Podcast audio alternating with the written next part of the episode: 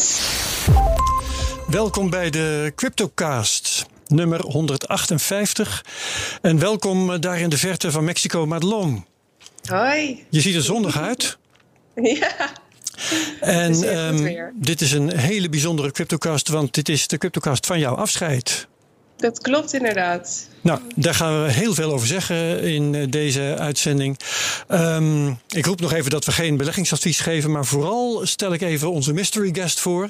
en uh, Madelon, jij hebt hem al gezien, dus het is voor jou niet meer helemaal een verrassing. Maar het is Boris van der Ven. Jee, ik ben er weer. Geweldig dat je erbij bent. Ja, eenmalig toen, uh, toen ik je vroeg of je aanwezig wilde zijn bij de, het afscheid van Madelon, heb je onmiddellijk toegezegd. Je ja. stond bij wijze van spreken meteen op de stoep. Ja, joh, dus dat is hartstikke leuk. Ik, ik werk in de dus het is makkelijk. Ja, oké.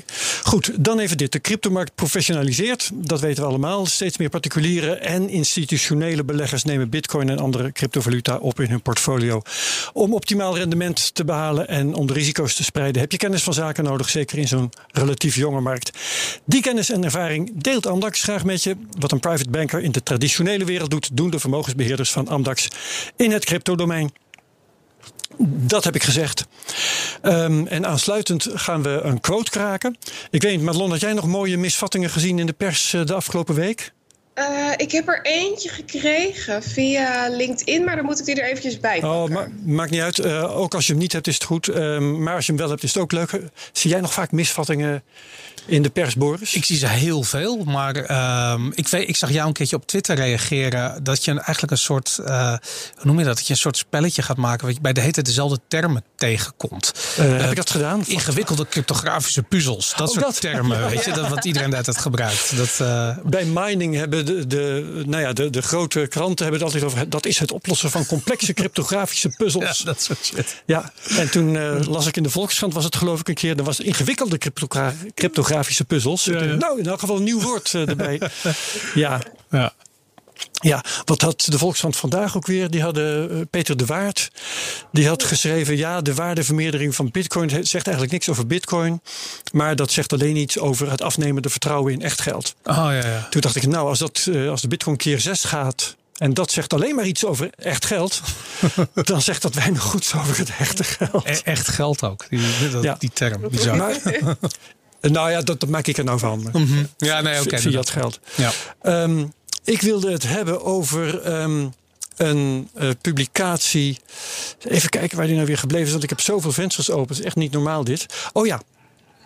Uh, Jeffrey Sachs is een uh, econoom.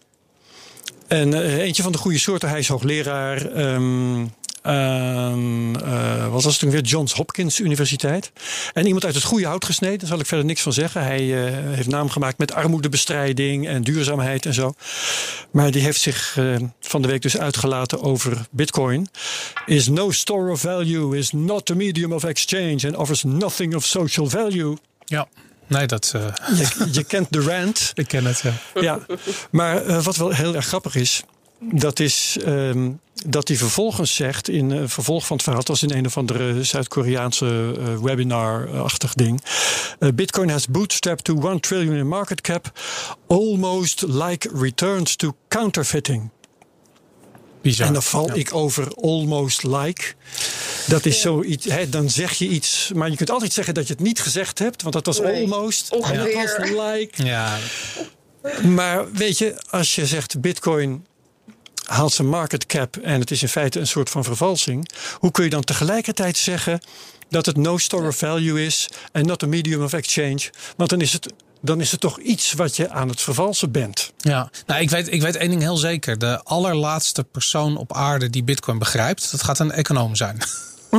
dat weet ik echt heel zeker. En dit is, dit, dit is ook een bepaald type econoom. Die vind je heel erg inderdaad een beetje aan de linkerkant. In de Amerikaanse politiek schurken ze tegenaan. Die hebben, zijn ontzettend geïnvesteerd in een systeem wat gebaseerd is op vertrouwen. Nou, dat vertrouwen is natuurlijk aan het afbrokkelen. Iedereen rent naar, naar hardere assets toe.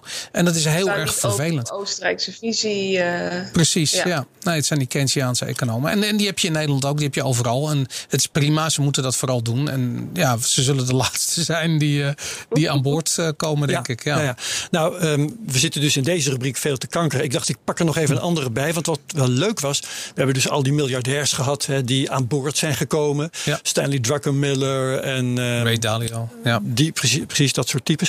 Ehm, daar kun je aan toevoegen sinds kort Howard Marks. Ja. Eh, die is 2 miljard waard. En die had eerder, eh, in 2017 had hij nog gezegd... bitcoin, ja, no intrinsic value. Maar hij is intussen van uh, gedachten veranderd. Ehm, gezondheid, Madelon. de pollen zijn natuurlijk druk aanwezig in, in de Mexicaanse lucht. De denk ik. Te veel coronaatjes gedronken. ja. ja. Uh, maar hij, hij, heeft dus gezegd zijn, zijn uh, aanvankelijke ideeën over bitcoin waren een reaction without information.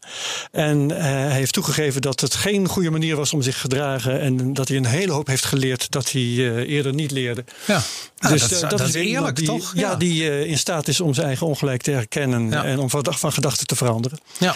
Dus dat wilde ik eerlijkheidshalve en volledigheidshalve er toch even bij doen. Nou, als mensen dergelijke quotes tegenkomen, bezorg ze ons via Twitter bijvoorbeeld. At CryptoCastNL. En uh, dan uh, komen ze mogelijk door de selectie heen. Op de donderdag. Hey Madelon, kun je nog voor de laatste keer dan de prijs analyseren? Ja, ik uh, heb hem er al eventjes bij gezet, Herbert. Um, even kijken hoor. Ik denk dat het goed is als we even nog een stapje teruggaan naar het grote plaatje. Gezien dit uh, de laatste keer is dat ik dit mag doen.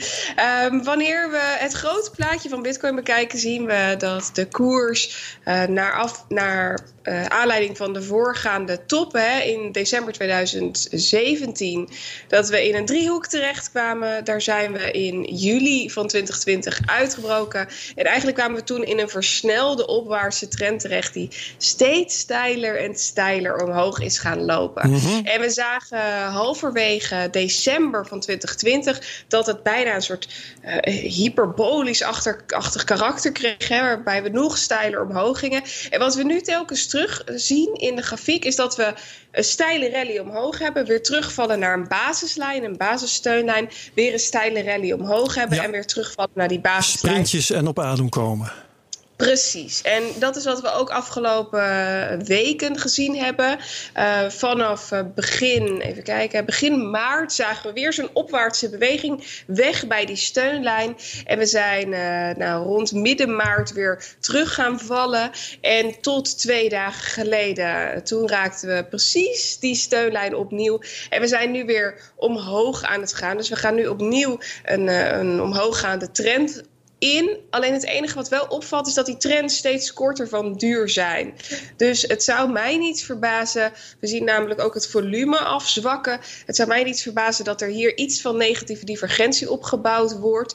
En dat we toch kortstondig uh, wat neerwaarts kunnen gaan op het moment dat we uh, die lijn, die belangrijke supportlijn, breken. En die lijn die loopt eigenlijk mee schuin opwaarts omhoog. Dat zegt overigens niet dat we niet een nieuwe all-time high zouden kunnen gaan zetten. Hè. Dit is puur op het moment dat we die belangrijke steunlijn zouden doorbreken. En daar kun je ook niet een, een vast niveau uh, tegenover zetten. Dat is echt een oplopende, opwaarts oplopende lijn die meebeweegt met de trend. Uh, en ik heb nu nog een dag of drie, vier waar we daar vanaf zitten. Maar mochten we nu snel een ritje omhoog maken, dan zijn we weer uh, daar ver van verwijderd. Maar hou die trendlijn, die trendlijn houden we in ieder geval, nou let het in de gaten. Oké, dat is het. Yes. Mooi, dankjewel. Um, laten we gaan naar nieuws. Boris, heb jij nieuws? Um, ja, nou, gisteren waren de, waren de verkiezingen. Uh, Madelon, ik ben, heb jij nog kunnen weten te stemmen op afstand uh, vanuit uh, Mexico? Of had je zoiets van, uh, ja, het zal allemaal wel daar? Ja, oh, nee, wat goed. ik heb gewoon mijn stempas ingediend. Uh, niet via hier, maar uh, ik heb iemand anders gemachtigd. Dus Oh. uh, zeker weten. Super. Nou, ik dacht, uh, laten we misschien heel eventjes praten over wat de uitslag van deze verkiezingen uh, betekent voor Bitcoin. Ja. Um, altijd interessant. Er waren um, uh, bij mijn weten in ieder geval twee partijen die Bitcoin of crypto slash bitcoin in hun programma hadden genomen. Uh, hadden opgenomen. Ja, 21 was er eentje van. Nou, die hebben volgens mij drie zetels behaald. En Ja. uh, de andere was uh, de Libertaire Partij. Ik heb Robert een beetje geholpen in zijn, in zijn campagne, onder andere met podcast en dat soort En dingen. Robert is. Met Ro- Robert, Robert Valentine is de lijsttrekker van de Libertaire Partij. En zij hebben helaas geen zetel gehaald. Dat is echt super jammer. Want zij hadden bijvoorbeeld ook in het programma opgenomen dat we bijvoorbeeld zouden gaan toewerken naar een afschaffing van van vermogensbelasting Oh. op de bitcoin. zodat mensen weer kunnen sparen. Wat natuurlijk iets is wat de grondrecht zou moeten zijn. Wat Uh-huh. helaas in deze Ja. maatschappij niet meer kan. Nou goed, we, we hebben natuurlijk eh, eh, een, een gigantische overwinning gezien voor de, voor de pro-Europa partijen. Ja. Ehm, ja, dat betekent dat er geen rem meer komt op het verhaal van de eurobonds. Eh, we gaan eh, eh, straks vol die geldprinter opjagen. En daar gaan we de coronacrisis tussen aanhalingstekens van betalen. Ehm, Ja. We gaan vele miljarden naar Zuid-Europa zien vloeien. Dus Ja, waar we- kun je tegen zijn en vervelend vinden, maar het is gunstig voor Bitcoin, hè, denk ik. Alles is gunstig voor Bitcoin. dat maakt niet uit. Maar, maar in, in dit geval denk ik van ja, je hebt best wel kans dat wat we hier gaan zien een beetje lijkt op wat op die stimulus package die Joe Biden in Amerika Ja. heeft Ja. uitgerold. Die 1,9 eh, biljoen dollar. Ehm, en het is nu toch wel de, de verwachting dat de ECB gaat eroverheen. Die gaat met 2,2 biljoen euro. Ehm, ja, ook proberen die economie aan te jagen. Krijgen we ook, eh, hoe heet het Ja. ook weer, parachutegeld? Ja, helikoptergeld. Vroeger of later wel. Want eh, kijk, uiteindelijk waar eindigt dit? Dat zie je nu al met die 10 jaar obli- staatsobligaties. Die rente die loopt op. Mensen willen eruit. Mensen willen dat product niet. Dat is de reden dat die, dat die rente oploopt. En eh, ja, waar, gaat, waar gaan die beleggers heen? Weet je, mensen die veiligheid zoeken, die worden nu echt als vliegen op een lamp aangetrokken door Bitcoin. Dus dat, eh, dat in combinatie, we weten, oké, de, de gaat aan. De traditionele veilige havens zijn niet meer veilig. Ehm, ja, Bitcoin eh, staat met open armen te wachten om die store of value eh, eigenschappen eh, de- eh, te verkopen. En ja, we hebben geen enkele politicus in het kabinet zometeen die hier ook maar enigszins op de rem gaat trappen. Dus eh, ja, jongens, we gaan full speed ahead op de afgrond af. En Ja, is dat iets wat jij, wat jij zorgen maakt, Boris? Want ik kan me indenken dat als je nu zo dit plaatje schetst, dat het er niet beter op wordt vanuit jouw perspectief. Nou, kijk, Bitcoin gaat, gaat door het dak hierdoor. Weet je, dat Ja. is logisch. Maar eh, ik, ik maak me zorgen over, over de samenleving. Weet je, ik bedoel, Ja, dat, dat, ik, ik bedoel, het is leuk als je, eh, als je misschien eh, wat satoshis hebt. En je kunt profiteren van zoiets als je dat aan ziet komen. Maar ja, als de wereld in brand staat en straks iedereen zijn huis kwijtraakt. En de, eh, je moet je voorstellen dat zometeen de rentes, als die zwaar oplopen opeens. ehm, ja, dan gaan we een gigantische. Kijk, Ja. er is zoveel energie Wat nu al gebeurt, overigens. Oh ja, in de hypotheekmarkt ook? Ja, ja, we zien langzaam aan dat die rente steeds verder omhoog loopt. Absoluut gezien valt het nog mee. Hè? Het gaat om percentages, maar, of, of minimale eh, percentages. Maar op het moment dat je het gaat uitrekenen, ook als we bijvoorbeeld kijken naar wat dan de waardedaling van de huizen zou zijn. George Gammon die heeft daar een aantal goede video's van eh, op YouTube staan. Dat zou ik ook vooral even aanraden. Van afgelopen week was dat om even te checken. Als je dat dan afzet, dan zie je dus dat een minimale stijging in de hypotheekrente al een eh, best wel grote daling kan betekenen op de huizenprijzen, maar ook op de koopkracht van, eh, van, wat een, eh, een koper heeft. Omdat de rente daar gewoon een hele grote rol in speelt. Ja. Ja, ja.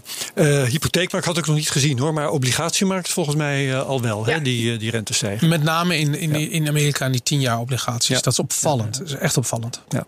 Ja. Madelon, jouw nieuws. Oeh, ja. Ik Anders had ik nieuws over, over, even kijken, de Amerikaanse grootbank Morgan Stanley.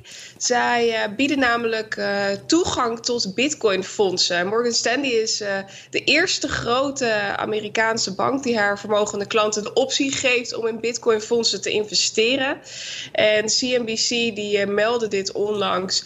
En dat ging over een memo die verspreid zou zijn binnen de bank zelf. Het is, het is, het is nog best wel een beetje spannend. En ik zag een tweet van uh, Pompliano voorbij komen, Anthony Pompliano. En uh, hij zei: Wow, Morgan Stanley is bringing two Bitcoin funds to their platform. Uh, en dit is dus het begin in mijn optiek. Morgan Stanley is absoluut geen kleine bank. Hè. Ze beheren uh, 4 triljoen, iets meer dan 4 triljoen aan uh, vermogen van klanten wereldwijd. En zij geven zelf aan dat dit de stap gaat zijn, omdat er vanuit institutionele partijen steeds meer interesse is. En die institutionele partijen weten eigenlijk niet precies hoe waar ze uh, naar Bitcoin, waar ze Bitcoin zouden moeten krijgen. En als ze Bitcoin dan bezitten, hoe ze dat dan moeten bewaren. Dus vandaar dat de bank daar een rol voor zichzelf weggelegd ziet. En ik denk dat dit de eerste grote bank is, maar zeker niet de laatste. Ja, oké. Um, wat had ik? In ieder geval een um, softwarebedrijf genaamd Meitu. M-E-I TU. Uh, dat is uh, gevestigd op de Bahama's, als ik me niet vergis. Maar ze staan genoteerd aan de beurs van Hongkong. En uh, ja, wij noteren hier nog steeds als een bedrijf in bitcoin gaat. dit is een heel bijzonder geval, want die hebben 17,9 miljoen aan bitcoin gekocht. Maar -hmm. ook 22 miljoen aan ether. Oh, joh. En dat is uh, volgens dit bericht, en ook voor zover ik weet, in Coindesk stond er trouwens, uh, voor het eerst dat een bedrijf uh, zo volledig in, of zo nadrukkelijk in ether stapt. Ja. ja. Dat hebben we nog niet gehad. We hebben wel Bitcoin treasuries, maar we hebben nog geen Ethereum treasuries, voor zover ik weet. Oké, okay, nou. Maar hebben ze aangegeven wat er de reden was daarvoor? Oh, dat heb ik niet bij de hand. Okay. om, om ether te kopen bedoel je? Ja, precies. Want Bitcoin, nou, dat, dat begrijpen we natuurlijk allemaal. Maar Ether is toch wel een andere tak van sport, zou ik zo zeggen. Ja, ik ga. Ik weet je wel zeggen, als ik het zo hoor, een, een softwarebedrijf wat in Hongkong zit, wat op de Bahama's gevestigd, het klinkt als NFT's. Als het de kans groot dat ze daar vol in gaan. Even kijken. Um, they said. While buying crypto helps diversify its holdings away from cash, more importantly, the board considers this a demonstration to investors and stakeholders that the group has the vision and determination to embrace technological evolution. Bla bla bla bla. Nou goed, dus dat is een uh, persbericht. Nee, komt niet helemaal um, duidelijk uit de verf waarom ze nou speciaal ook in ether zouden zijn gestapt. Behalve dat hun business uh, veel te maken heeft met launch, launching Ethereum-based dApps. Hmm, dus decentralized ja. apps uh, horen wel een beetje bij hun core business. Ja. En dat is misschien een reden om dat te doen. Ja. Alright. Dus dat had ik. Verder het hele grappige nieuwtje. De, uh, Pieter Schiff heeft heel wat te stellen met zijn zoon, zoals je weet. Spencer. Spencer, ja. Iedereen kent hem intussen. Althans, wie kent hem niet? Um, die uh, in Bitcoin ging. En ik herinner me een tweet van Pieter Schiff. Die zei van ja, mijn zoon doet aan Bitcoin. Maar van wie zou je nou het liefst het uh, advies nemen? Van een doorgewinterde ondernemer en belegger? Of van een jongen die uh, op het eerste jaar van de universiteit zit. En 89% van zijn volgers stemde voor de zoon. Ja. Dat is ook fantastisch. Maar nu is het nog veel erger geworden.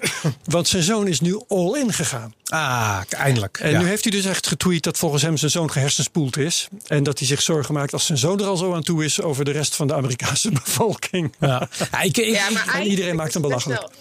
Het, het, ik denk dat er twee kanten kunnen, kunnen zijn. Of het is gewoon heel erg sneu voor Spencer dat zijn vader hem al publiek op Twitter compleet belachelijk maakt. Of het is een hele goede marketingzet ja. om Spencer op de kaart te zetten bij alle grote Zou zomaar kunnen. partijen.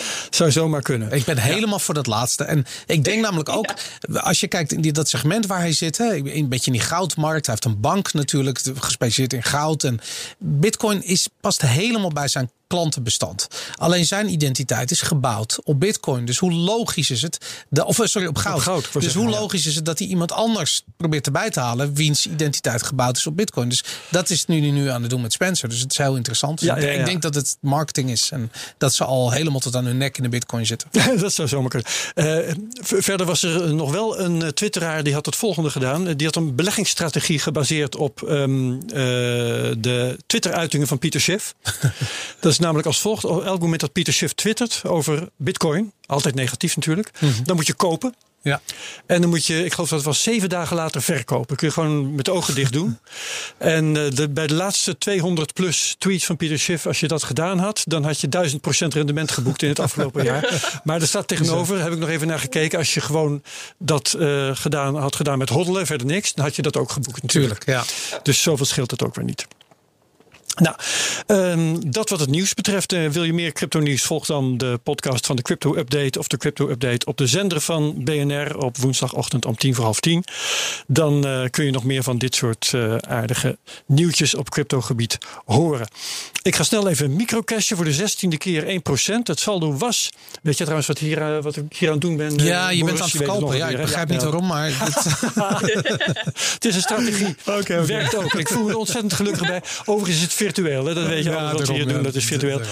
Het saldo was 0,8601 bitcoin. De koers was vanmorgen toen ik daarnaar keek 58.878.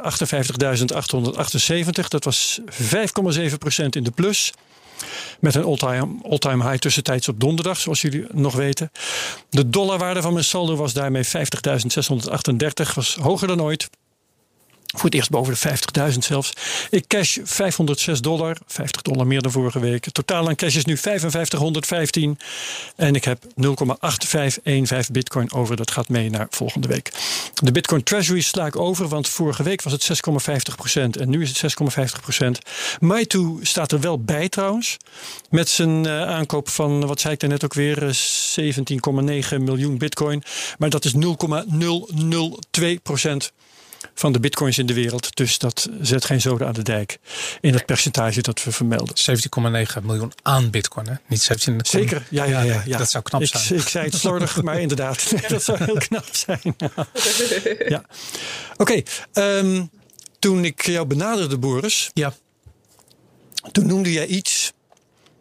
Um, en dat ga ik niet laten horen. Oh. Maar wel iets wat daarvan is afgeleid. ik ben heel benieuwd. Oh, ik weet het. Ik...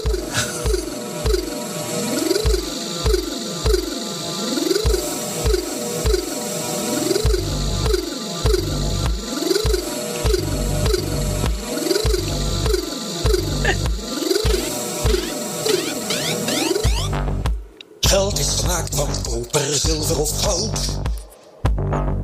Puur en duur materiaal dat zijn waarde houdt.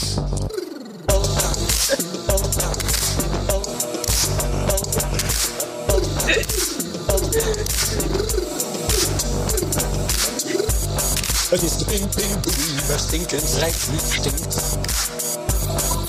Ping ping boei, waar goud het mooiste blinkt.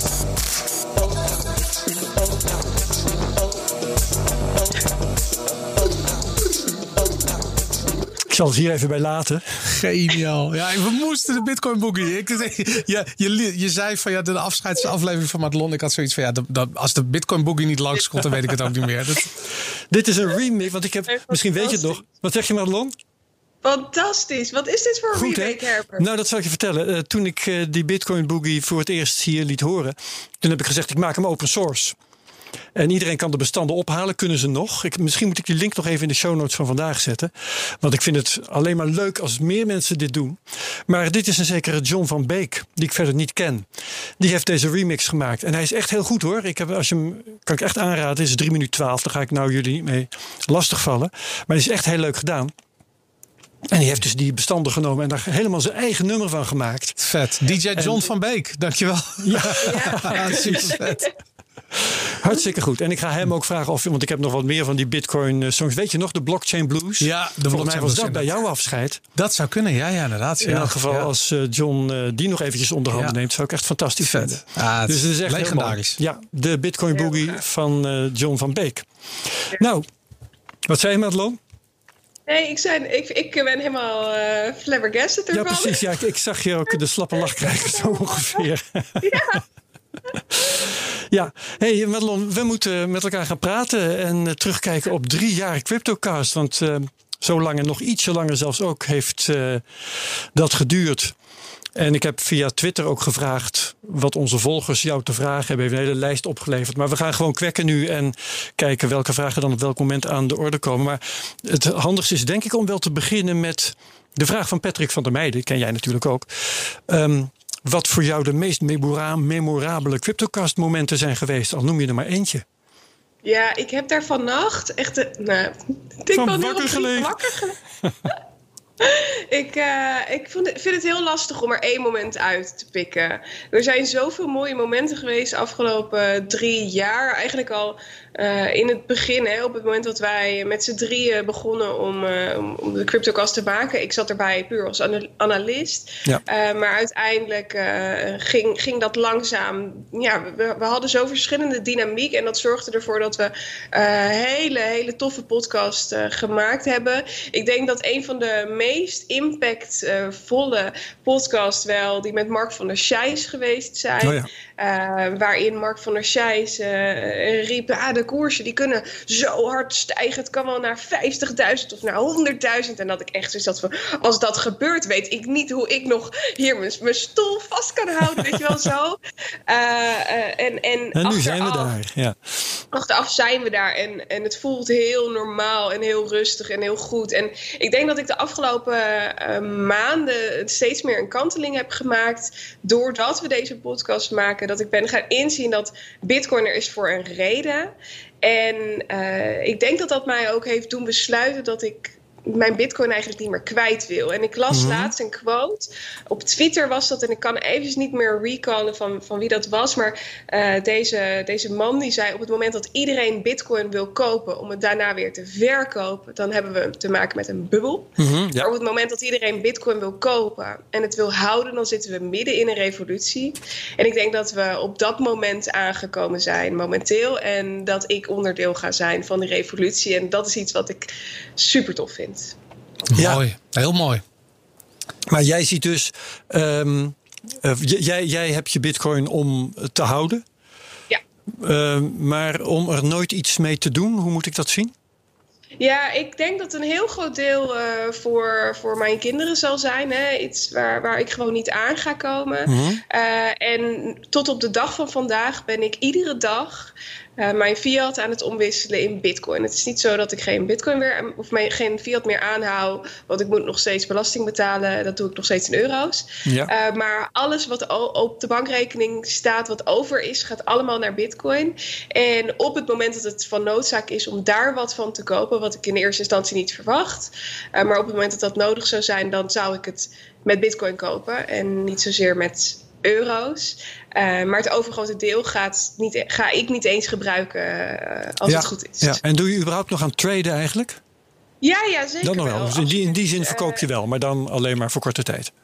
Ja, ik heb gewoon een trading wallet, maar dat is puur omdat ik dat leuk vind om te doen. Uh, en uh, dat doe ik een aantal keer in de week. Uh, soms wel eens een week niet. soms vijf of tien keer per week. Hè. Het hangt vanaf waar ik zin in heb, maar dat is puur omdat het mijn hobby is en mijn passie blijft.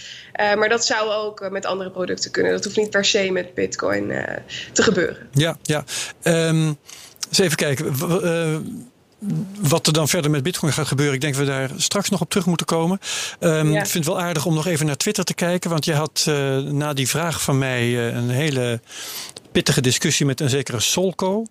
En die ging ja. over, de, over de waarde van technische analyse. Ah, ja. Dat was heel interessant. Um, even hier. Uh, hebben we in het begin ook veel over gesproken, toch? Ik kan me dat nog herinneren dat het echt een terugkomend onderwerp was. Ja, ja, ja. er zijn ook mensen die, zijn daar, die zien daar helemaal niks in, zijn daar tegen of vinden het uh, flauwekul. Nou ja. En die Solco, die, nou ja, ik pik maar een van die tweets eruit. Hij vraagt zich: Oh ja, omdat jij lesgeeft in dat, uh, in, in, in dat vak hè, op de Hogeschool Amsterdam. Ik vraag me af of hier ook maar één cent belastinggeld naartoe zou moeten stromen. TA is niet meer dan onttrekken van geld uit de markt. Um, ja, reageer daar eens op. Ja, kijk, ik vond het een beetje flauw. Ik weet uh -huh. niet wat er precies was, maar hij probeerde me aan te vallen op allemaal verschillende punten. Maar om even ja. concreet te komen tot, tot die vraag, hè, waarom moet er belastinggeld naartoe? Uh, in de basis is, is het vak wat ik geef, technische analyse, een onderdeel van een miner. En die miner heet een miner beleggen. En op het miner moment in de zin van M-I-N-O-R, hè? want dat klinkt het als iemand die aan mining doet. nee, nee, een miner ja, uh, op Hogeschool van Amsterdam. En als studenten het tof vinden om met beleggen bezig te zijn of graag iets zouden willen doen met beleggen. Dat kan bij een bank zijn, uh, dat kan aan de achterkant zijn, dat kan als beleggingsadviseur zijn of misschien voor hun eigen portefeuille. Dan is er, moet er wel mogelijkheid zijn om daar meer van, uh, van te kunnen leren. Ja, en dit is een onderdeel van die complete miner. En je hebt daarin ook uh, beheer en advies, het opstellen van een beleggingsportefeuille, het doen van fundamentele analyse. er worden allemaal dingen gebruikt die je ook weer in de praktijk kan toepassen. Hè? De, het stukje stock-to-flow zit er nou net niet in, maar verder alle andere wiskundige principes die je kan toepassen uh, door uh, uh, bijvoorbeeld technische analyse te gebruiken, maar ook fundamentele analyse, hè, waarbij je naar koers-winstverhoudingen kijkt en dergelijke, dat zit in die minor. En het is toch wel heel belangrijk dat je van beide kanten meekrijgt voordat je kan zeggen of je uh, voor links of voor rechts gaat, of misschien net er tussenin. Hè, dat kan. Ja. Net als dat je bij economie, in mijn optiek, ook Keynesiaanse zienswijze zou moeten kijken. En de, krijgen en de Oostenrijkse school. En dat je dan een eerlijke visie kan, uh, kan vormen. En wat hij stelt is: ja, nou, uh, Matlon, op het moment dat een, een, een schooljuf, zei hij volgens mij, dit leert, wat heeft ze daar dan aan? Kijk, deze studenten die kiezen hier bewust voor. Die kiezen bewust voor het feit dat ze meer willen leren over beleggen. En dan vind ik dat dit er onderdeel van hoort te zijn. Ja, oké, dat is helder. Lijkt me ook heel raar als je een opleiding zou uh, bedenken die, waar dat niet bij hoort, hè, waar dat niet wordt onderwezen. Dan heb je gewoon een, uh, een lege plek. Ja, denk bijvoorbeeld aan bedrijfseconomie of uh, iets in die trant. Small business retail management. Die studenten die zijn hierin geïnteresseerd. En dan is het ook tof dat er een, een één hogeschool is in heel Nederland waar je deze studie kan doen en waar je hier meer over kan leren. Ja, ja. Zeg je ze wel dat ze beter gewoon kunnen hoddelen? Als je die disclaimer maakt, is het allemaal oké. Als je tweede bent en je gaat dat zeggen, dan denk je dat je ook nee, niet goed bezig Ik zeg helemaal niks. Ik leg gewoon de materie uit. Ik leg uit wat er in het boek staat. En uh, als ze die basis hebben, dan moeten ze zelf maar een keuze maken. Ja, oké. Okay. Dan gaan ze eerst all in in Tron en zo. En, en nee, nee. ja, nou Boris, laten we nog weer wat herinneringen ophalen. Want we hadden inderdaad dat beleggingsspel. Hè, wij, wij, wij, wij uh, zouden kijken wie van ons het meeste winst ging maken. Met allerlei vage altcoins. Ja, ja ik heb dat ooit voorgesteld aan jou. Ik weet nog, en toen leek het een heel goed idee. Ja. En het is eigenlijk het onderdeel waar ik het meeste spijt van heb. Tot op de dag van vandaag. Omdat, en dat, ja. dat, dat kwam heel hard in mijn gezicht een keertje toen ik uh, iemand ontmoette. Die stelde me voor als een 12-jarige zoon. En die zei van nou, ik heb, uh, omdat jij er zo enthousiast over bent, heb ik al mijn spaargeld in Tron gestoken. En toen had ik gezegd van, oh mijn god, wat heb ik gedaan? Weet je, ik bedoel, het was ja. nooit de bedoeling dat mensen dat serieus zouden nemen. Het is geen beleggingsadvies. Het was een grap. Weet je, ik bedoel, Tron is zo overduidelijk een, een, een, een scam. Daar ga je niet geld in steken. En als je dan 12 bent en je denkt en je wil je kind iets leren over, weet ik veel, over, over monetaire, weet ik veel, een soort een beetje een soort meegeven wat geld en beleg is. En dan, dan mm. krijg je dat. En dan, ik had, ik, ik had echt zoiets van, ja, ik heb er spijt van dat we dat ooit gedaan hebben, serieus. Ja, ja, ja. Nou goed, we hebben het gedaan. ja. En dat, zo kwamen we er hardhandig achter, lach niet Madelon, uh, dat, uh, dat we in een bear market zaten. Ja. Uh, hoe lang duurde het voordat jij dat doorhad? In de bear market, dat we daarin zaten. Ik denk ja. dat dat rond de tijd dat, uh, dat ik weg ben gegaan, dat ik me realiseerde dat we uit die bear market gingen komen. Uh, en dat was ook een van de redenen dat ik zoiets had van ja, ik wil niet meer, ik, ik hoef niet het gezicht van Bitcoin te zijn. Weet je, het is, dat, ja, de, de, de, de wereld gaat veranderen. Mm -hmm. en, en nu had ik echt zoiets van ja, dat in die tijd. Want dat maar dan ging je ook weer weg, dus begin 2019 of zo? Ik denk dat het ja. in de zomer ergens was. Ja, ja, ja. ja 2019 denk ik inderdaad.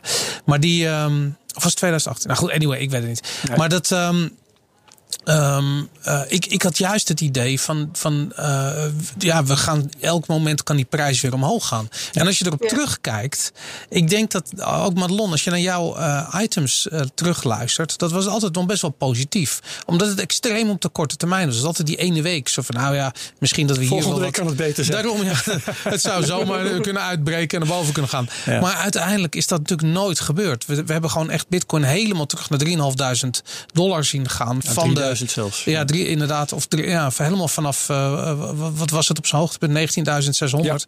Ja. Um, dat is natuurlijk in, in twee jaar tijd. Dus dat, als je naar, puur naar de prijs kijkt, was dat ja, tergend. Maar als je kijkt naar wat er allemaal gebeurde, heb ik het niet als bear market of als saai of als tergend ervaren. Nee, zeker niet saai. Nee, nee er gebeurde heel veel. Voortdurend uh, gebeurden er dingen. Ja. ja, maar goed, wat er gebeurde was soms ook wel uh, deprimerend. Want dan uh, bijvoorbeeld vorig jaar om deze tijd knalde het opeens weer naar de 4000 terug. Ja, ja. Nou, en, en dat was best wel een spannende tijd. Want er gebeurde meer. Er is van alles aan de hand op die repo markets op dat ogenblik. Die vragen die zongen al rond. En ik, denk, ik vond dat echt de spannendste tijd hoor. Dat, dat was voor mij echt het moment. Nu is het erop of eronder voor Bitcoin. Uh, waar, waarin ja, iedereen toch wel vertrouwen erin had dat het goed zou komen. Maar alsnog moest je je wel even van. Oeh jongens, dit gaat wel ver. Het, het was de Ja. perfect storm. En dit was, dat was het moment waar wij op hadden gewacht. Op het moment dat zoiets zich voordoet, moet Bitcoin wel blijven staan.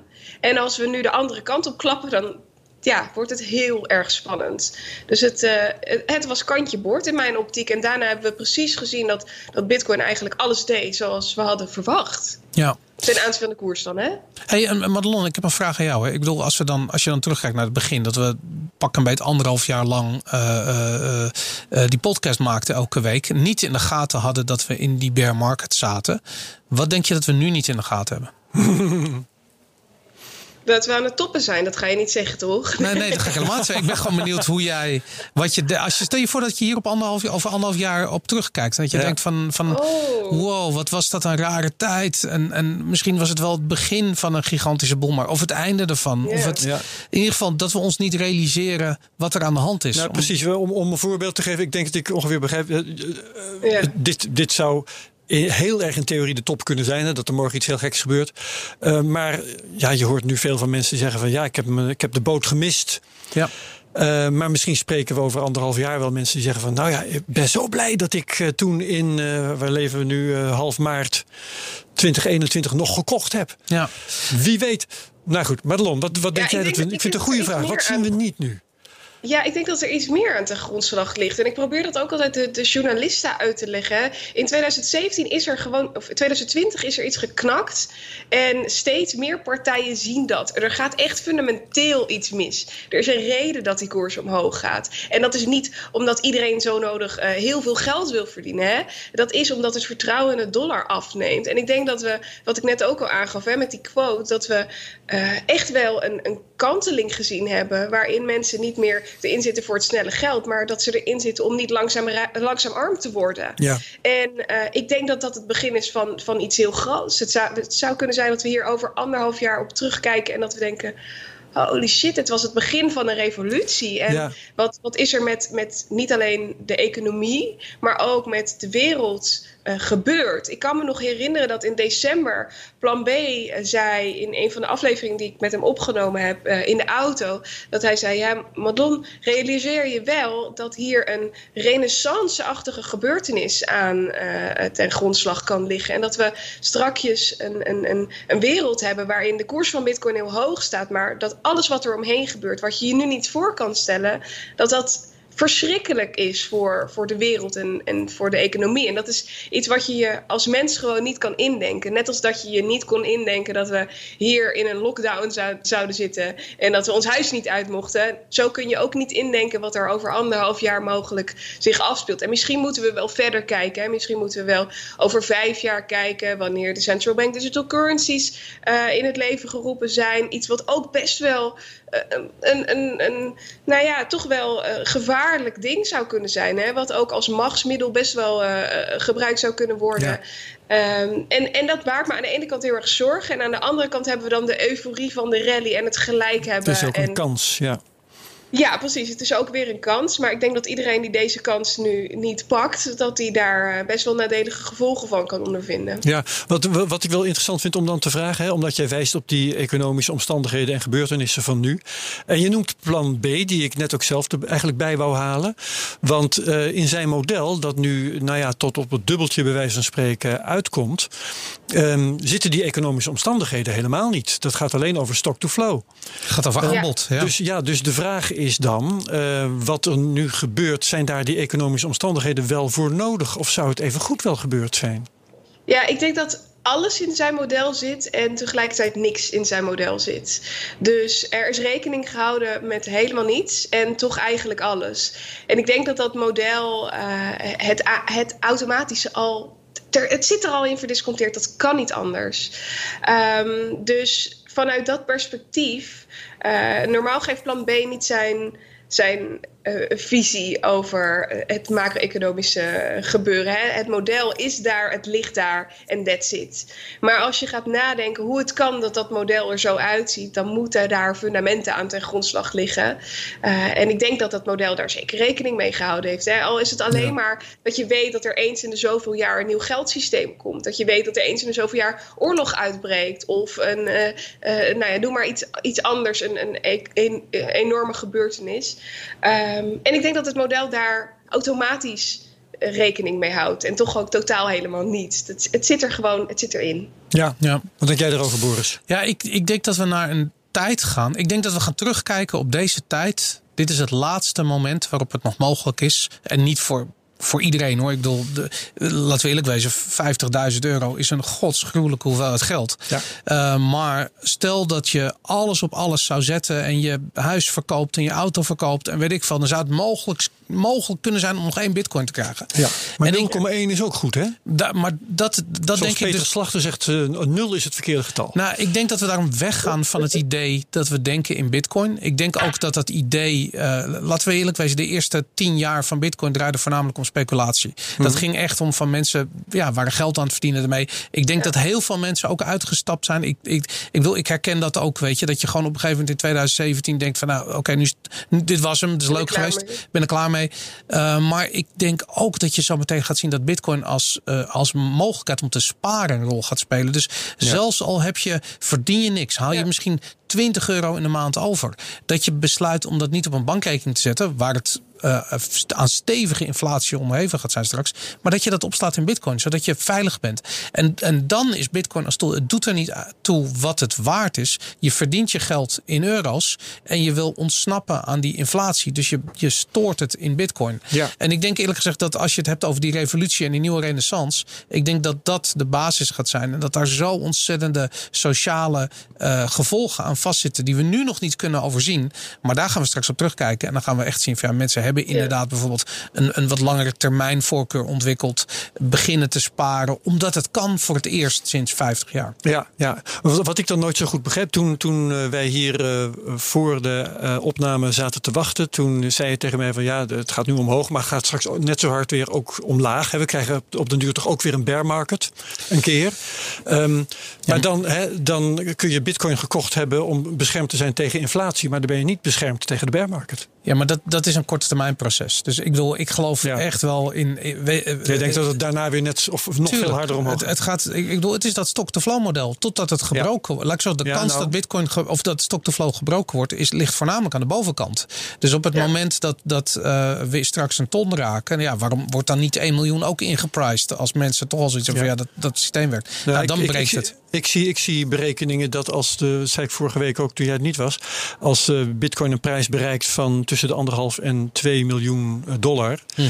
dat eh, de marktkapitalisatie van Bitcoin dan evenveel is als al het andere geld ter wereld bij elkaar. Oh ja? Veel hoger kun je niet komen. Jawel, want er zit zo ontzettend veel geld in andere assets. In de, in de, eh, er is 300 biljoen aan liquiditeit in de wereld. Dat is de- echt, er is zo ontzettend veel. Dat kan allemaal nog in bitcoin.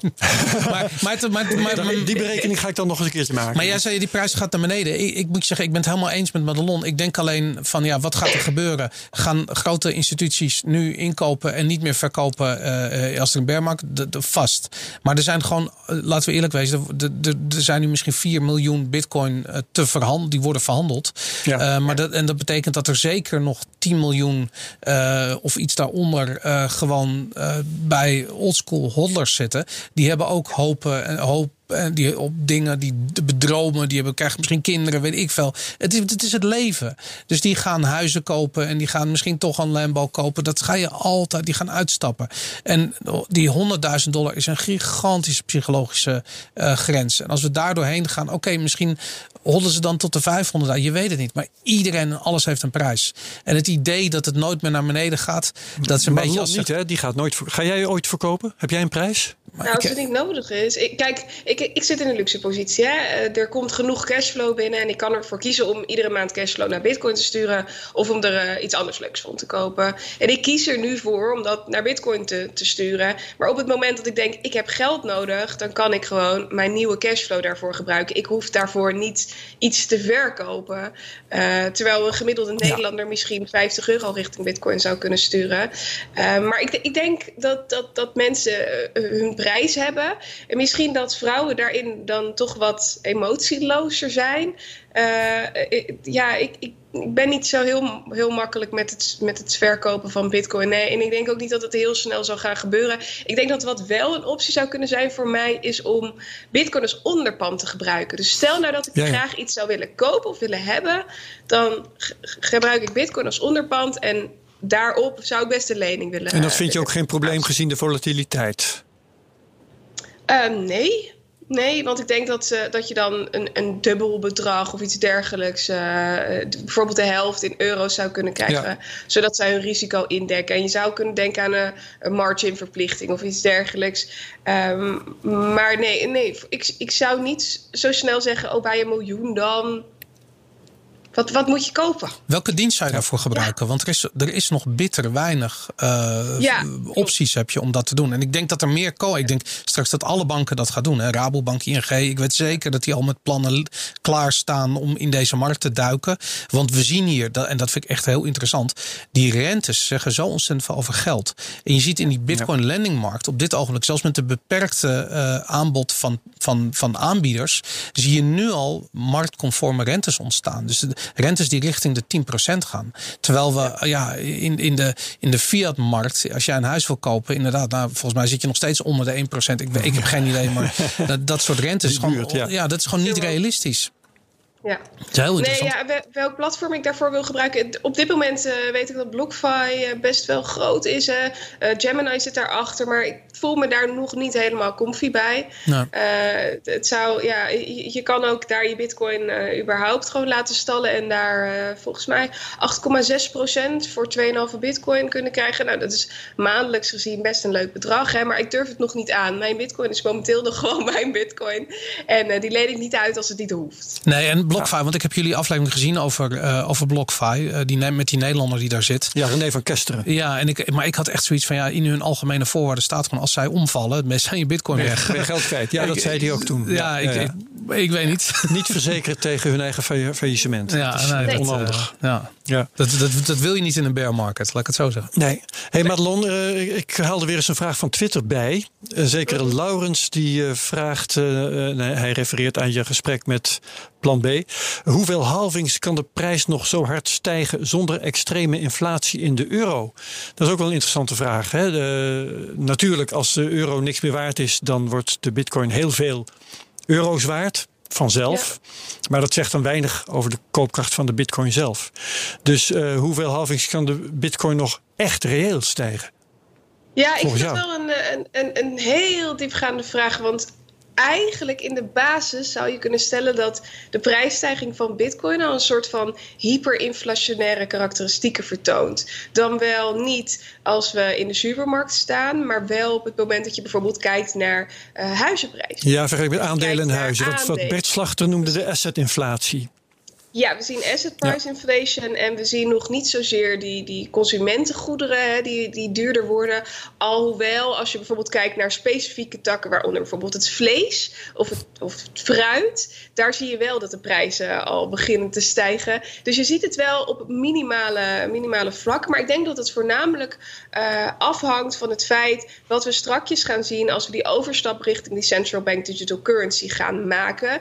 Want dat geeft eigenlijk de centrale bank bank vrij spel om uh, inflatie door te voeren. En daar kun je dan als burger helemaal niets meer tegen doen. Het enige wat, je, wat er gebeurt is dat je langzaam rijker wordt. En dat, dat, dat moment zal komen op het moment dat we dus uh, zien dat die central bank digital currency haar intrede doet. Dat is mijn, uh, mijn eerste gedachte. Ook dan wordt het makkelijker om aan de helikopter money te doen. Um, ja. En dat zal hooguit nog een jaar of vijf duren. Niet, niet veel langer. Dus uh, dan hebben we dus nog één extra halving uh, en nog een klein beetje cycle over.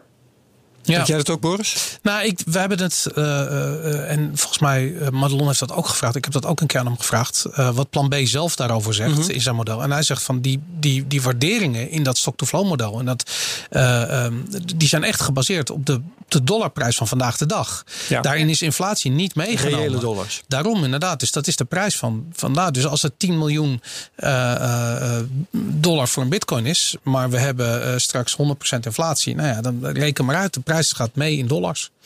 Ja. Dat is heftig. Spannend. Ja. Um, Oké, okay. en dan was hier nog een vraag. Oh, dat, dat gaat eigenlijk over um, de, uh, de, de, ja, de, de komende bullrun en, en eventuele bearmarkt. Daarna de technische analyse in deze fase dat bedrijven aan het instappen zijn. Vind ik toch wel leuk om die vraag ook nog even voor te leggen. Um, de vraag van Crypto MR74. Nou ja. Ik heb eh, de volgende vraag. Verwacht je dat de technische analyse en het uitrekenen van prognoses heel anders wordt nu grote bedrijven instappen?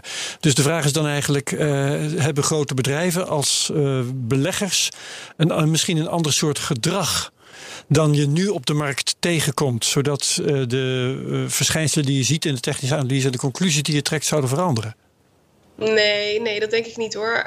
Maar als we puur in de, in de basis kijken hè, naar technische analyse, dan gebruik je die tools op basis van verschillende wiskundige eh, berekeningen. En neem bijvoorbeeld een RSI. Een RSI blijft een RSI. Hoe je daarop anticipeert, blijft in principe hetzelfde. We kijken gewoon puur naar hoe vaak heeft zo'n gebeurtenis, is zo'n gebeurtenis plaatsgevonden in de geschiedenis. En hoe groot is de kans dat dat nu nogmaals gebeurt. En eh Bukowski, eh, meneer Bukowski heeft er heel veel onderzoek naar gedaan op tal van verschillende indices, op goud en zilver, op tal van aandelen. En crypto is daar ook een onderdeel van, een onderdeel van dat onderzoek. En eh, in de basis zou dat niets uit moeten maken. Nee, want ja. Grote beleggers kijken ook gewoon naar technische analyse. Die kijken eerst fundamenteel naar waar willen we in zitten. Die kijken ook een beetje naar waar zit de Federal Reserve en wat koopt de ECB.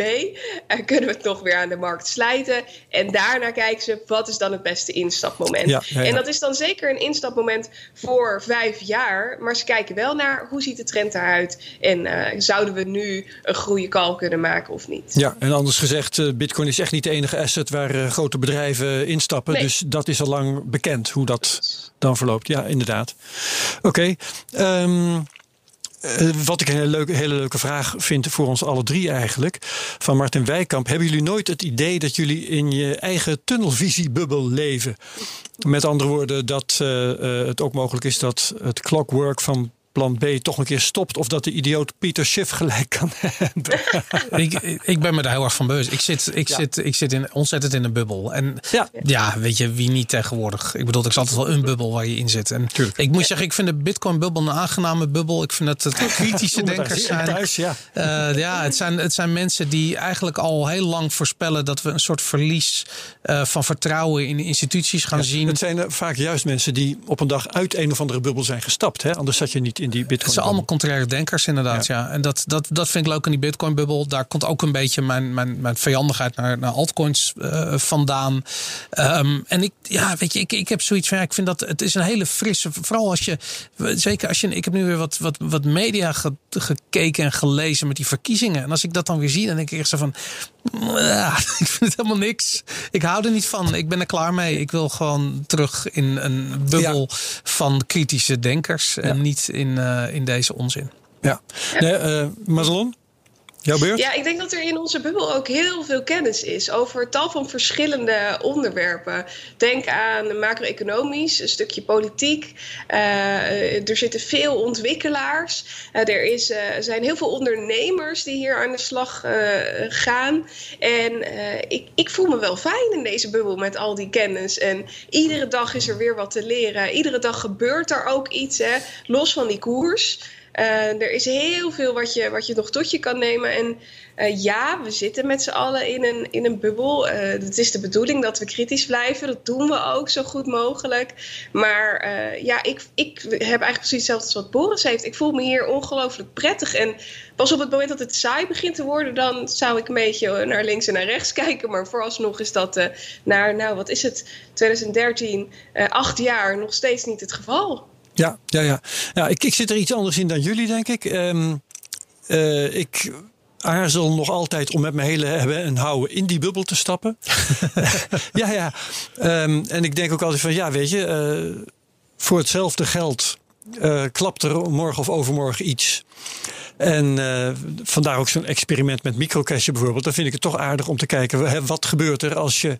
ehm, niet, niet eh, al je eieren in één mandje stopt. Niet op, Ja. hetzelfde, eh, op één en hetzelfde paard wet de hele tijd. Ja.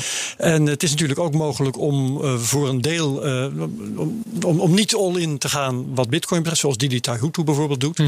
Maar om je, eh, je belangen te spreiden Ja. op zo'n manier dat je heel goed boert als, Bitcoin, als het goed gaat met Bitcoin, maar dat je ook heel goed boert. En Wi- Willem Middelkoop is daar dan bijvoorbeeld de held van trouwens, hè, die ook heel erg het spreiden in zijn vaandel heeft staan. Ja. Dat is Ja. ook heel goed boert als het daar niet goed mee zou aflopen. En als het met iets anders goed zou aflopen. Ja, absoluut. Ook Ik- om even terug te komen op, op spreiding. Hè? Eh, het is niet zo dat ik volledig alleen in bitcoin zit. Hè? Er Ja. zit ook een stukje goud, zilver bij. Een stukje Dat is waar ook, ja, eh, in dat- wat andere ja. fondsen. Daar ben je eh, ook waar duidelijk over, dat klopt. kijk. Ja. Precies, het is niet alleen Bitcoin. Ik denk ook wel dat er een stukje mindset bij komt kijken. Hè? Wanneer je eh, eh, kijkt naar de kansen en niet naar de beperkingen. Dus ik, ik probeer altijd vanuit. eh, oh, mijn Siri die gaat aan. Niet vanuit schaarste te denken, maar juist vanuit mogelijkheden en opties. En op het moment dat je dat doet, dan gaat er eigenlijk een wereld voor je open. Waarin je niet bang hoeft te zijn dat je verliest wat je nu hebt. Maar dat je kijkt naar wat kan het zijn op het moment dat ik daar eh terecht kom. En dat is een soort, ja, misschien wel een ondernemersmindset. Als belegger kijk je natuurlijk met naar hoe kan ik het beste mijn geld spreiden en zorgen dat het zijn waarde behoudt en misschien wat meer wordt. Maar als ondernemer kijk je daar iets anders naar. En ik denk dat als je die twee samenvoegt, dat je een hele mooie, mooie basis hebt.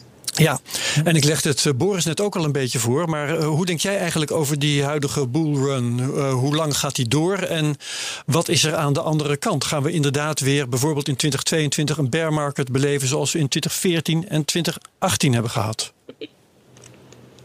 Wat denk jij, Madelon? Oh, wat denk ik? Ja, Oh, wat ik denk dacht- jij? was een vraag. Ja, wat denk ik hiervan? Ik denk dat we de komende tijd eh, nog wel eventjes het zo gaan continueren. Mhm. Misschien wel een maand of drie nog eh, stijgende trend zullen zien. Zo hè, kort, niet gewoon het hele Ja. jaar. Zoals in 2013 en 2017. Ja, ik vind dat lastig. Ik vind dat Ja? lastig. Liever dat ik eerder, eh, eh, eerder aangeef dat we omlaag gaan en dat het nog niet het geval is, dan te laat natuurlijk. Hè? Eh, dus ja, drie maanden Is het is trader die spreekt. geef. En dan kijken we dan even opnieuw. Ja, dat is de trader inderdaad. En dan ga ik nu mijn andere hoed opzetten. Eh, als we puur kijken naar hè, het stock-to-flow model van plan B, dan kunnen we echt nog wel een poosje verder. Dan kunnen we ook nog wel vijf, misschien wel zes maanden verder. Eh, en voordat we die komende cycle ingaan. En dan is de vraag hoe. Eh, gaat die cycle eruit zien? We zien dat institutionele partijen met een langere eh, visie de markt ingestapt zijn. Die kijken echt niet naar eh, een, een dag, een week, een maand. Die kijken eerder naar jaar. Ja, denk je dat? Want die institutionele partijen, of anders misschien bedrijven die wij intussen genoemd hebben, van MicroStrategy tot aan mij toe, die ik net noemde, wat toch een kleintje is. ehm, die aan de ene kant kijken ze naar de lange termijn, aan de andere kant zijn ze ook niet gek. En als ze denken dat ze eh, op een flinke winst zitten en de markt gaat omlaag, dan zullen ze toch wel gek zijn om niet op zijn minst een beetje te verkopen.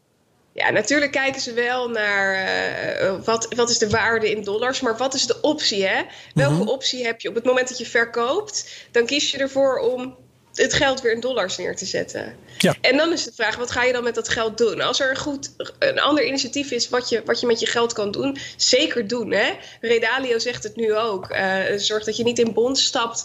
Eh, zorg dat je eh, kiest voor een of, of het geld uitgeven of koop anders goud, misschien wel bitcoin. En dat is denk ik de, het, kenmerk. Wat is, de, wat is de andere optie op het moment dat je ervoor kiest om je bitcoin te verkopen? Dus Ja. ik, ik heb echt het idee dat die, dat die bodem een stuk hoger gaat liggen dan wat we de afgelopen rallies gezien hebben. Misschien ligt die rond de 70 procent. We hebben de afgelopen keer zelfs een daling van bijna 90 procent gezien. Ja. Misschien ligt die rond de 6 procent. Ik denk ook dat de, dat de hodlers echt wel weer die hard zullen, zullen hodlen. En we hebben natuurlijk veel meer bitcoins die verloren gegaan zijn. Het zijn er nu ongeveer 20 procent, wat ik uit een recent onderzoek eh, eh, voorbij zag komen.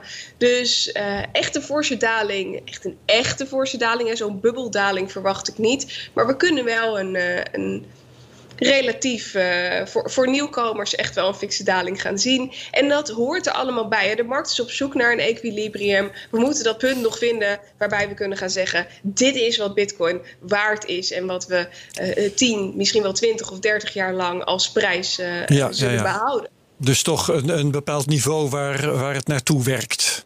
Ja, niet, zeker. niet de rest van deze eeuw elke vier jaar maal tien. Nee, ik, ik heb een vraag aan jullie, ik heb een vraag aan jullie jongens. Daar ben Ja. ik echt heel benieuwd. Ik, Ja. ik, ik bedoel, dit, jullie hebben drie jaar lang de CryptoCast gemaakt. Ik ben er anderhalf jaar eh, deel van. gemaakt. ontzettend veel gasten zijn langsgekomen. Ik heb heel veel mensen gesproken. Ehm, jullie zijn wat dat betreft een unieke positie. Ik ben benieuwd wat jullie geleerd hebben in die, andere, in die, in die afgelopen drie jaar. Wat zijn de belangrijkste? Als je één ding eruit zou moeten, moeten halen. Eh, Oh, dit is zo moeilijk. Ja, dat is heel, dat is heel erg moeilijk. Want ik, ik herinner me allerlei gasten die indruk op me hebben gemaakt. Hè, van Martijn Wismeijer tot Bert Slachter, Mark van der Scheij stuurde meester. Enfin, noem ze allemaal maar op. Er zijn heel veel indrukwekkende mensen voorbij gekomen. Maar wat heb ik daar nou van? Ik denk dat ik daar gewoon van geleerd heb. Um, maar ik, ik, weet niet of ik dat niet van tevoren al deed. Om, om heel erg voor mezelf te denken. En om die open mind te hebben. En om uh, juist, ook als er een gast hier zit die, uh, die een heel overtuigend verhaal vertelt. Om daar dan heel kritisch naar te kijken en me voortdurend af te vragen: ja, maar waar baseer je dat op? Ja. En weet je dat Ja. wel zo zeker en zo. Ja. Dus Ja, dat, ik denk dat ik, dat, dat ik van jullie het, het vak heb mogen leren. Ik heb eh, altijd aan de zijlijn gezeten, eh, in het begin als, als analist zijnde. En ik had echt geen idee wat me overkwam. Ik kan me nog herinneren dat Herbert mij belde en dat ik op de dag van de crypto stond in januari 2018 of 2017 misschien zelfs wel. Eh, dat is eh, Eh, nee, januari 2018 2018 geweest dan. Ja. Ja, precies. En dat ik dacht, nou oké, ik ga dit maar gewoon doen. Ik was hartstikke bang om überhaupt iets te zeggen en überhaupt mijn gezicht te vertonen. Mensen denken altijd Ja. dat ik het heerlijk vind om de shine te pakken, maar eigenlijk moet ik iedere keer weer huilen op het moment dat ik iets spannends moet doen. En nu nog steeds wel eens hoor, als ik belangrijke interviews heb, dat ik denk, oh, het moet wel goed gaan. Maar ik heb het vak van jullie mogen leren en daar ben ik echt ongelooflijk dankbaar voor. En ik denk dat ik daardoor eh, echt heel veel moois meeneem wat ik eh, voor altijd eh, ja, bij me mag houden. Ja, leuk. Eh, dan zijn we nu toe, zowel inhoudelijk als qua tijd trouwens ook. Um, Madelon, wat ga je allemaal doen nu? Ja, ik ga focussen op de contentproducties. En eh, zoals veel mensen wel weten. Precies, deed Ja. ik dat al. Eh, we zijn begonnen met Madelon Navigeert afgelopen september. We gaan een nieuwe videoserie doen, waarvan eentje, twee zelfs, waarvan eentje in het buitenland wordt opgenomen. Eh, dus het wordt echt ongelooflijk, eh, ongelooflijk tof. En dat, de focus zal echt liggen op het macro-economische verhaal, maar ook een stukje bitcoin zullen we meenemen, een beetje goud en zilver. En dat moet gewoon op een, op een hoogstaand niveau plaatsvinden. Dus daar zal de focus op liggen. Ik ben bezig met een nieuwe cursus ontwikkelen, waarin je echt kijkt naar portfolioverdeling en het behouden van je vermogen. Dus dat je niet langzaam eh, armer wordt, maar telkens steeds een beetje rijker.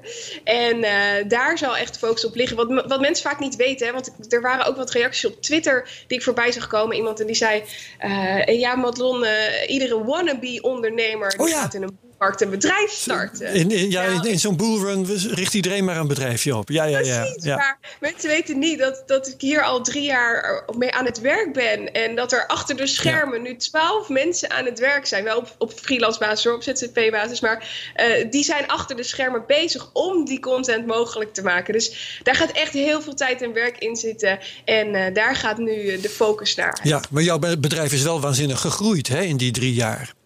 Ja, zeker Ja. weten. Vooral het afgelopen jaar enorm. We hebben heel veel mensen kunnen helpen. En daar ben ik eh, ongelooflijk dankbaar voor. En ik hoop dat we dat nog een hele, hele, hele lange tijd kunnen doen. Ja, nou en trouwens, eh naar aanleiding van jouw verhaal vind ik het ook wel leuk om even te zeggen. Ik heb het jou persoonlijk al wel eens gezegd, maar nu dan ook ten overstaan van, eh, wat is het, intussen 15.000 luisteraars of zo. Jij kwam hier inderdaad binnen als, als meisje dat liever de mond niet open deed dan wel.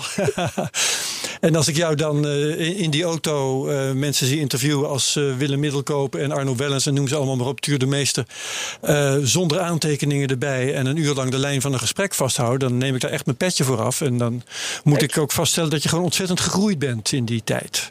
Ja, dankjewel. Dat mag echt Helemaal mee keer eens hoor. in het openbaar gezegd worden. Jee, Madelon, jee.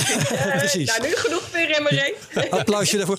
Ehm, eh, maar meteen daaroverheen een vraag van Arnold Kok. Vind ik ook wel een hele leuke vraag. Eh, die wil namelijk weten wat moet er gebeuren waardoor je zou stoppen met bitcoin en met je interesse voor bitcoin. Niet. Dat, dat gaat niet gebeuren. Dat is Dat precies het antwoord dat ik 100% verwachtte. Ja. Kan ook helemaal niet. Je Nee. kunt het niet onzien. Of hoe noem je dat? Nee. Als je het helemaal gezien hebt, kan je het niet You meer... unsee Ja, zeggen ze in elk daarom. geval in het. Engels. Ja, dat, Dat klopt. het dat geldt ja. voor jou waarschijnlijk ook, Boris. Ja, absoluut. Ja. Ja. Nee, ik, eh, ik, ik, ik wil jullie ook allebei bedanken. Weet je, ik, bedoel, ik ben nu, ik heb het gevoel dat ik al voor de derde keer afscheid van jullie aan het nemen ben. Ja, dan moet het bedoel, weer, Maar de lol zit tegenwoordig gewoon in het buitenland. En, inderdaad, maar het, het is lachen, weet je. En, en dat vind ik zo tof aan dit onderwerp. Het is aan de ene kant niet zo heel erg serieus, want het is maar weet ik veel, een soort niche financieel kleine, het is maar een kleine financiële niche, laat ik het zo zeggen. En het is bezig aan de allergrootste revolutie uh, die we in de afgelopen, wat is het, 300 jaar hebben meegemaakt. Ik vind het fantastisch om daar een heel klein onderdeeltje van te zijn. Of om het gewoon naar te kijken. Weet je, meer is het ook niet. En ja, ja weet je, dat is toch super tof. Oké. Okay. Um, dan... Ik ben nog wel benieuwd, waar, waar, waar gaan we nu naartoe met de, met de CryptoCast? Want ik blijf ja. natuurlijk vervent luisteraar. Maar ja. er waren ook wat vragen op Twitter van mensen die zeiden... Wat, wat gaat er nu gebeuren? Ja, ik hoop dat je luisteraar blijft. En ik wou net ademhalen om, om dat te gaan uitleggen. Wat, uh, hoe het nu verder gaat inderdaad. Um, ja, jouw plek blijft uh, gewoon leeg in de studio. Ik denk niet dat we, dat we direct iemand gaan aantrekken voor technische analyse. Maar ik ga wel zorgen dat ik elke week uh, steun heb aan iemand. En ik ben bezig met een uh, clubje samenstellen van mensen. En, bedoel ik echt prominente mensen uit de cryptowereld. Uh, een stuk of acht, misschien tien mensen. Die elke twee maanden roleren. En waarvan er gewoon elke week eentje naast mij zit. Dus behalve buiten een, een incidentele gast. dus elke CryptoCast zal er iemand zitten uit dat clubje. En een, een echte gast met een expert van buiten. En uh, dan zullen we dus met z'n drieën een gesprek voeren. waarin we niet speciaal een rolverdeling hoeven te hebben of zo. Uh, misschien dat de gast ook wel eens wat aan mij vraagt of iets dergelijks. Maar zo ga ik dus elke CryptoCast dat gezelschap samenstellen. En uh, ik zal een paar namen noemen, dat is misschien wel leuk. Mensen die al hebben toegezegd. Uh, Martijn Wismeijer bijvoorbeeld, die uh, zal er geregeld bij zijn. Ricky Gevers, de hacker. Bas Wisselink. Die zal er geregeld bij zijn. Paul Buitink heeft volgens mij ook toegezegd. Mm, weet ik nog iemand uit mijn hoofd? Nou, dat zijn. Uh, wie, wie, zei? Willem Middelkoop? Willem Middelkoop zit er niet bij, heb ik oh. niet gevraagd. Um, zou ik kunnen doen? Overweeg ik. Dus ja. een goede suggestie. Nou, super tof, jongens. Maar goed, die Heel categorie leuk. mensen in elk geval. En ja. daarnaast elke week iemand. Nou, bijvoorbeeld, we gaan het volgende week hebben over. Uh, even opletten dat ik het goed zeg. Over non-fungible tokens. Dan komt Hubert-Jan van Roest weer eens een keertje terug. En uh, oh ja, die dan, wie dan als co-host optreedt. Jacob Boersma, die is ook een keertje eerder geweest. Oh ja. uh, toen ging het onder andere over VeChain. en de week daarop gaan we het over belastingen hebben. Dan komt er een fiscaal jurist. Hebben we ook al een keer eerder gedaan. Dat was toen Kim Helwegen. Dit keer wordt het iemand anders. Hij heet. Even kijken of ik dat snel uh, kan. Uh, nee, ik heb, de naam heb ik even niet paraat. Um, en de week daarna. Weet ik ook niet meer uit mijn hoofd. Maar in ieder geval, zo heb de, de, de planning die loopt al. En de CryptoCast blijft bestaan. Blijft gewoon een hele onderhoudende conversatie elke week weer. Vaste rubrieken blijven. Het nieuws blijft. Technische analyse dan niet, maar het microcastje wel. En de nieuwe Bitcoin Boogie. Dat is eigenlijk het enige wat ik wil weten. Of dat, dat, dat, dat, is wat we allemaal willen weten. Ik hoop dat John van Beek nog met een mooie remix komt. en verder zal ik mijn best doen om nog eens een keertje leuke tekst te schrijven. En wie weet. Cool. Um, dus zet de CryptoCast voor volgende week in je agenda. Dan gaat het, dat staat in elk geval heel erg vast over die non-fungible tokens. Vond je deze aflevering leuk? Deel hem dan, dan op Twitter. Ik kan me niet voorstellen dan dat iedereen dat geweldig vond en dat iedereen dus dat deelt op Twitter. Op iTunes, op Apple Podcast. Um, reviews achterlaten. Like, subscribe en comment op YouTube. Dit was de CryptoCast. Dit was Madelon Vos. Dankjewel, Madelon. Jee, ja. Madelon, en, uh, dankjewel. Volgende week dan ben jij gewoon onder de luisteraars. Daar reken ik vast op. Yes. En iedereen die geluisterd heeft en gekeken trouwens via YouTube. Die zeg ik tot volgende week, tot de volgende CryptoCast. Boris ook bedankt. Jee. Deze podcast wordt mede mogelijk gemaakt door Amdax. Het handelshuis voor de serieuze cryptobelegger.